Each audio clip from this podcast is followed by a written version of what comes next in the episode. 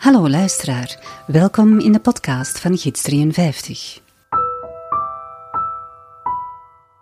Vandaag de eerste aflevering in een nieuwe reeks over het leven en werk van Passier Borman, beeldsnijder tussen middeleeuwen en renaissance.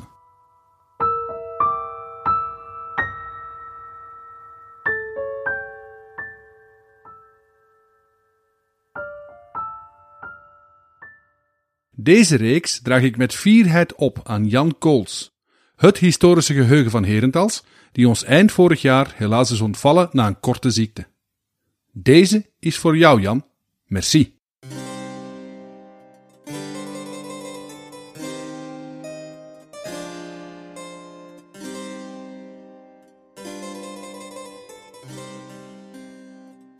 Kent u Hertals, beste luisteraar? Ja, inderdaad. Dat is de plots om de kleine neet waar dat ik, hulle verteller, 47 jaar geleden zijn geboren. En waar dat ik vandaag al wel eens een rondleiding geef aan de mensen. Maar nadat je dat allemaal weet, ga ik de rest van het verhaal wel niet vertellen met mijn campusaccentje. Het is ook de keizerstad van Riek van Luy. Sorry luisteraar, het was nog even sterker dan mezelf. En het is het mekka van menig veldritkampioen. Maar de stad heeft veel meer te bieden dan enkel dat. Het heeft een zeer rijk verleden en dat kan je vandaag nog heel goed zien. Er staan nog tal van historische gebouwen. De middeleeuwse stadspoorten, delen van de oude vesten, de 16e-eeuwse lakenhallen, een van de oudste begijnhoven van Vlaanderen, de gotische bovenkerk. Echt de moeite waard om eens te bezoeken als u in de buurt bent.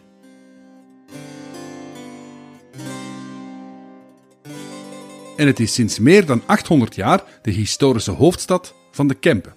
In 1209 kreeg Herentals haar stadsrechten van de hertog van Brabant.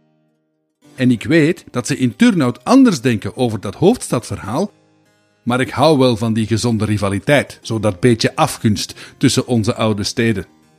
Maar om de kerk dan letterlijk in het midden te houden, laat ik deze podcast net wel in Turnhout beginnen en dan nog wel in de grote Sint-Pieterskerk al daar. En hiervoor maken we een sprong van 500 jaar in het verleden. Ik neem u mee terug in de tijd, beste luisteraar, naar de late 15e en vroege 16e eeuw, naar de leefwereld van een Brussels beeldhouwer die luisterde naar de naam van Passier Borman of Borman. Voor de liefhebbers en kenners van onze oude wereldvermaarde Vlaamse kunst is hij geen nobele onbekende, integendeel. Maar voor het grote publiek is Passier nu niet direct de man met de naam en faam zoals een Jan van Eyck of een Pieter Paul Rubens. En eigenlijk, zoals u zal merken, is dat niet helemaal terecht.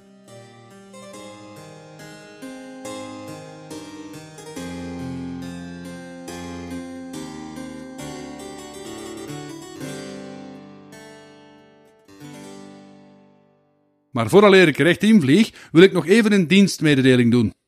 Om het verhaal in deze podcast niet te veel te onderbreken met woordverklaringen, verwijs ik graag naar mijn blog op mijn website gidsnummer53.com blog.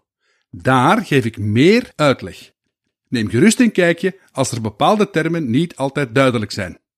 Einde mededeling, terug naar de podcast.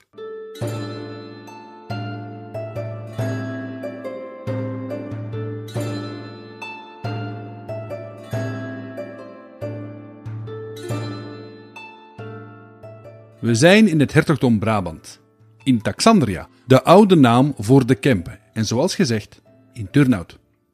Het is 1510. De bestuurders van het Sacramentsbroederschap van Turnhout bestellen een houten retabel bij een zekere Jan Petersels, schrijnwerker uit Leuven. Een retabel dat ze willen plaatsen in hun kapel in de lokale Sint-Pieterskerk op de Grote Markt. Op zich is dat niet zo vreemd, want in die tijd wil elk zichzelf respecterend broederschap elke gilde of ambacht wel een of ander retabel of kunstwerk om hun altaar in de kerk of in een kapel mee op te smukken. Ik kom straks nog uitgebreid terug op de term retabel, maar eerst verder over dat contract met Petersels.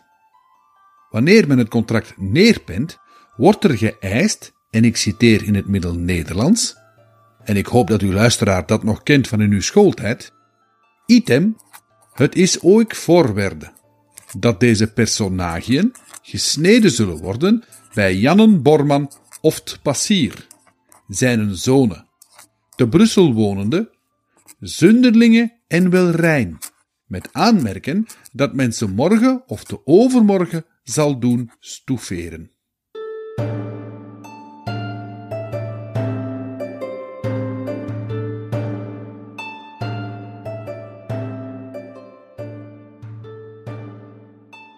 Wat hadden wij destijds toch een geweldig taaltje. Maar ik zal het even nog vrij voor u vertalen. Het is een voorwaarde dat deze personages, dat zijn beeldjes dus, moeten worden gesneden, gebeeldhouwd, door Jan Borman of zijn zoon Passier, wonende in Brussel. Uiteraard naar best vermogen uit te voeren en dat de beeldjes pas later, morgen of overmorgen mag u zeer ruim interpreteren, zullen beschilderd worden. Het is heel opmerkelijk dat de broederschap expliciet vraagt naar de diensten van vader of zoon Borman. Ik kan maar één reden bedenken waarom ze dat zouden doen. Beide beeldhouwers waren topkunstenaars, in hun tijd zeer bekend, en als je ze kon strikken voor een opdracht, dan zal dat wel zijn prijs hebben gehad, maar je kon er als opdrachtgever dan ook mee uitpakken naar de buitenwereld. Je eigen leden, je conculega's en ga zo maar verder. En nu zijn naam voor de eerste keer officieel is gevallen, begint hier het eigenlijke verhaal van Passier Borreman. En om dan meteen met de deur in huis te vallen, ondanks het feit dat hij in zijn tijd erg vermaard was, we weten over hem niet veel. En wat we weten, komt dan vaak van korte vermeldingjes her en der in archiefstukken, in financiële transacties en dergelijks meer. Het is allemaal heel fragmentarisch. Een beetje een levensverhaal dat met haakjes en oogjes in elkaar is gepuzzeld. Maar ik ga toch een poging wagen, beste luisteraar, om u een schoon historisch vertelsel te brengen dat ons via Brussel en enkele omwegen tot in Herental zal brengen.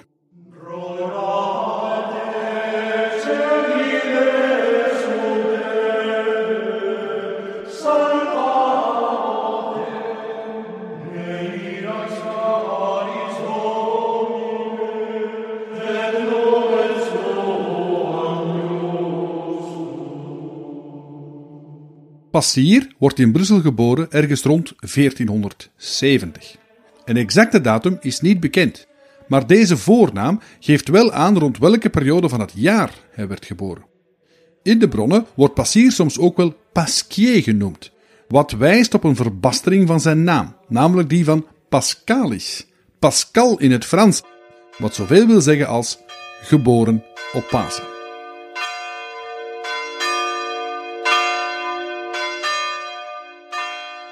De kleine passier, over zijn jeugd is er niks geweten, groeit op in een familie waar beeldsnijden en beeldhouden de klok slaat. De grote klok.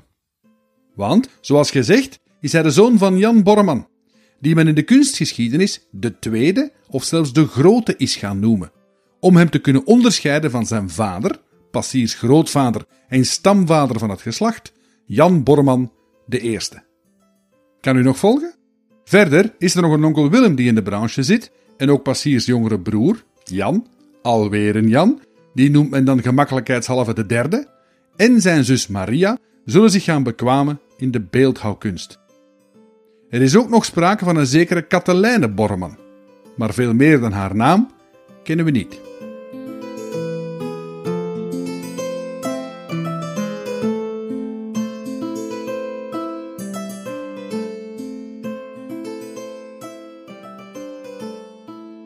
En ook Passier, hoe kan het anders, zou beeldsnijder worden. En wat voor een. Van jongs af aan loopt hij rond in de werkplaats van papa. Pa, kan ik je helpen? Hij kijkt er de ogen uit. Eerst doet hij wat kleine klusjes, later gaat hij echt meewerken. En wordt hij bevriend met enkele leerling-beeldhouwers, assistenten en knapen die dus rondlopen Zeg, in het atelier. Mag ik hier eens proberen? Hij is er gewoonweg niet weg te slaan. U weet hoe dat gaat. je loopt in de weg. Ga buiten spelen. En als het dan tijdens de zomer wat warm wordt in de Brusselse binnenstad, dan gaat hij met zijn broer en zus op vakantie bij zijn grootouders op de buiten. Jan en zijn vrouw Marie van Goedhuizen wonen in Neerlinter, even buiten Tiene, in het hartje van het Hageland. Daar kunnen ze zich uitleven zoals alle andere kinderen. Maar ook daar is er een atelier en de drie kinderen lopen er regelmatig binnen. Meer nog, in Leuven, waar de roots liggen van de familie Borman, runnen opa en onkel Willem een grote workshop. Men werkt er met man en macht aan orders die van over het hele hertogdom Brabant komen en van ver daarbuiten. Ze maken beelden in alle formaten en materialen. Mallen voor brons- en tingieters, speciaal versierde deuren en ga zo maar door. U begrijpt, beste luisteraar, er was voor Passier geen ontsnappen aan. Zijn lot stond vast.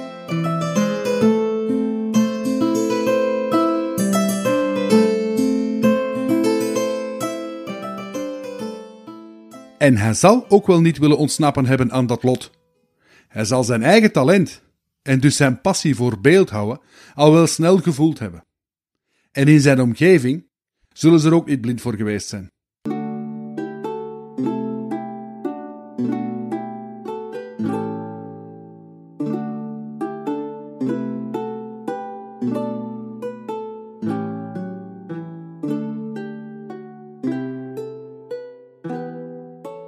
Is destijds trouwens de gewoonte dat de kinderen, en dan vooral de zonen, in de voetsporen van hun vaders treden. Door het corporatisme van de gilde en de ambachten is dat vaak de enige manier om op volwassen leeftijd aan een job te geraken. Bovendien, en dat was net de bedoeling van het protectionisme van de beroepsgilde, dus de bescherming van de eigen handel en wandel, het is veel goedkoper om toe te treden als zoon van een meester dan voor een buitenstaander. Om ertussen te geraken, dat kost je een fortuin en veel ellebogenwerk. En zonder lidmaatschap had je sowieso geen enkele kans op de arbeidsmarkt. Hoe goed je ook bent of was in je vak. Dus vanaf zijn adolescentie wordt Passier ook officieel leerling in het atelier van vader Jan. Hij gaat stap voor stap moeten leren hoe je een beeld kan snijden of kappen uit een blok hout of een stuk alabaster of kalksteen. Hoe begin je daaraan? Ook over de houtsoorten en de gesteenten zelf, de basis voor zijn werk, gaat hij alles moeten weten. En natuurlijk ook over de tools waarmee de snijder zijn blokken te lijf gaat. Alle knepen, groot en klein, alle tips en tricks moet Passier onder de knie krijgen. En wanneer het werk dan af is, dient het vaak nog beschilderd te worden, gepolychromeerd met de wetenschappelijke term. Of straffer nog, de beelden moeten voorzien worden van bladgoud. En dan is er zo nog iets als de stijl van het huis.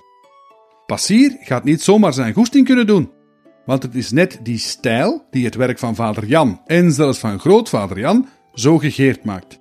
Hij gaat zich die stijl eigen moeten maken. Maar ik ben er zeker van dat hij er met de paplepel is ingelepeld geweest. Kortom, het is een lange, moeilijke, zeer arbeidsintensieve opleiding. Komt daar nog bij dat hij is voorbestemd om meesterbeeldsnijder te worden. Hij moet in de voetsporen van zijn vader treden. Dus moet hij zich, naast de eigenlijke handenarbeid en het snijwerk, ook nog gaan bekwamen in het leidinggeven. In de HR van het bedrijf. Hij moet namelijk leerlingen en assistenten werven. Wat kun jij zoal? Hen opleren. Hen managen. Hij moet leren boekhouden. Hmm. En vooral, hij moet leren werken in Allemaal projecten. tegelijk? Want er lopen altijd meerdere opdrachten samen, tegelijkertijd. Heel vaak zelfs met externen. Het is niet altijd even simpel om meester beeldsnijder te zijn met een naam als Borman. Maar het is wel lucratief en uit het vervolg van het verhaal hoop ik dat u dat ook duidelijk wordt.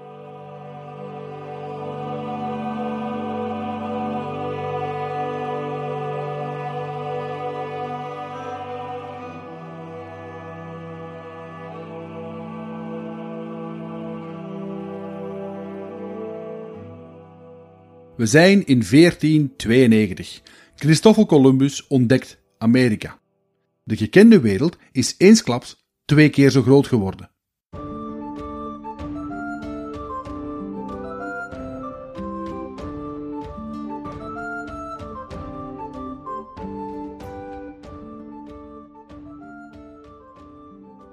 Passier Borman zijn naam duikt voor het eerst op in de bronnen en het is heugelijk nieuws. Na jaren van training en opleiding slaagt hij in zijn meesterproef en wordt hij ingeschreven in het ambacht van de steenbikkelaren of steenbewerkers van Brussel. Hij is op dat moment ongeveer 22 jaar. Het is net deze eerste vermelding die historici doet vermoeden dat hij rond 1470 is geboren. In het Gildenboek staat er naast zijn naam de vermelding geboren poortere van Brussel. Wat zoveel wil zeggen dat hij in Brussel is geboren en dat zijn vader, Jan, op dat moment al poorter, laten we zeggen erkend burger van de stad was. De naam van vader Jan komt voor in het Poortersboek van Brussel. Hij betaalt op het einde van de jaren 70 van de 15e eeuw het poortersgeld. Of de fee of het entreegeld zoals u wil, om burger te kunnen worden.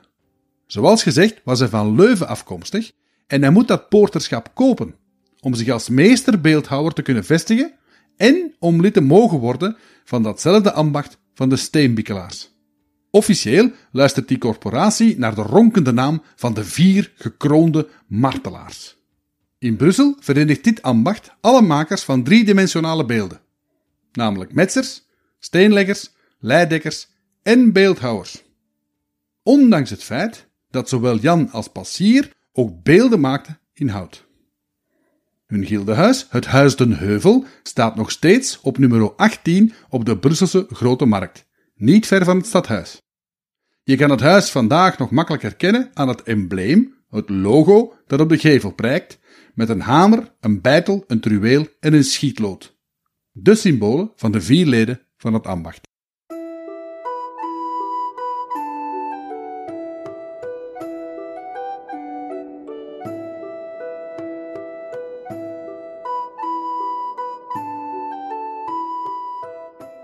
Maar waarom wijkt Jan Borman nu uit naar Brussel?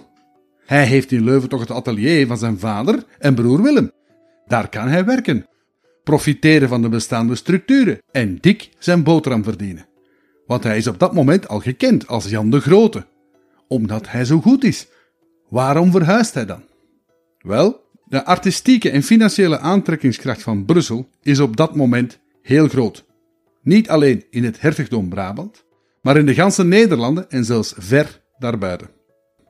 De stad is bijna als een magneet voor kunstenaars met een grote K. En dat alles heeft ze te danken aan haar centrale ligging en aan de Bourgondische hertogen.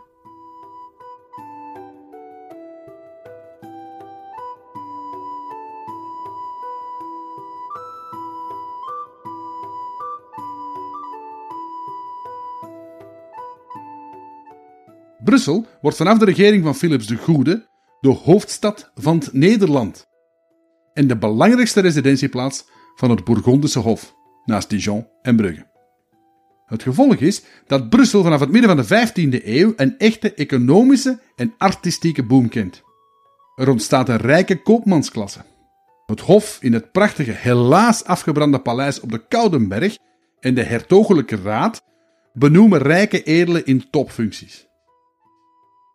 Om ze nog meer te paaien en te binden, sticht Philips de Goede de roemrijke orde van het Gulden Vlies, die vandaag trouwens nog steeds bestaat.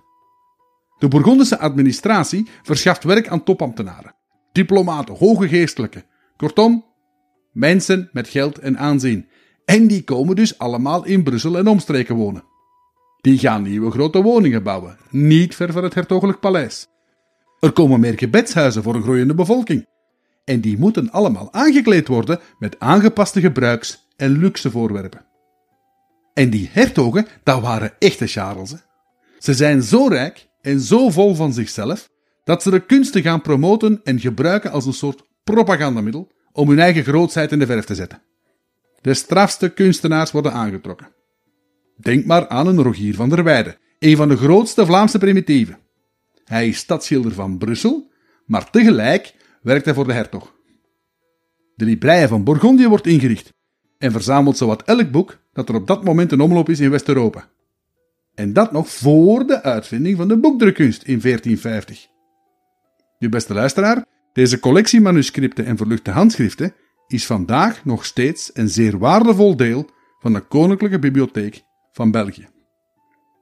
En al deze welvaart is uiteraard zeer gunstig voor alle kunstvormen. Er zijn vele rijke kopers en opdrachtgevers, en die trekken op hun beurt dan weer artiesten aan. En ook daar zitten opnieuw echte toppers bij. Brussel wordt vanaf het midden van de 15e eeuw een mekka voor schilderkunst, de vandaag wereldvermaarde wandtapijten, edelsmeedwerk, verluchte boeken, grote gotische bouwwerken en, en dit is cruciaal in ons verhaal hier, de beeldhouwkunst. En dit laatste is uiteraard de reden waarom Pa Borman naar Brussel verhuist. Hij wil als topbeeldsnijder daar zitten waar hij het meeste kans op veel orders heeft. Daar zijn waar hij zijn financiën kan optimaliseren, laten we het zo zeggen.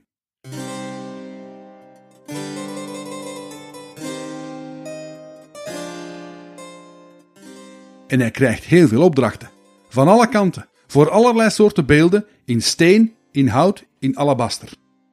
De workshop van Borman draait op volle toeren en Passier draait erin mee. Maar er is één heel specifiek soort kunstwerk waarin Jan Borman en zijn zonen baanbrekend en vernieuwend zouden worden. En Brussel, niet toevallig natuurlijk, zou zich vanaf de tweede helft van de 15e eeuw gaan opwerpen als een internationaal productiecentrum. Wereldvermaard. Later zouden ook Mechelen en Antwerpen mee op die kar springen. Welke kar? Wel, die van de grote houten tabels. Uniek in de wereld. Maar daarover vertel ik u volgende keer veel meer.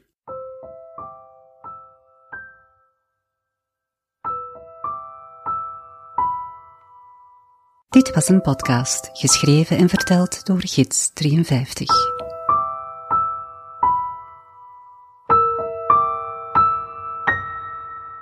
In de volgende episode volgen we Passier als retabelbouwer en komen we uiteindelijk in Herentals terecht. Tot dan, beste luisteraar.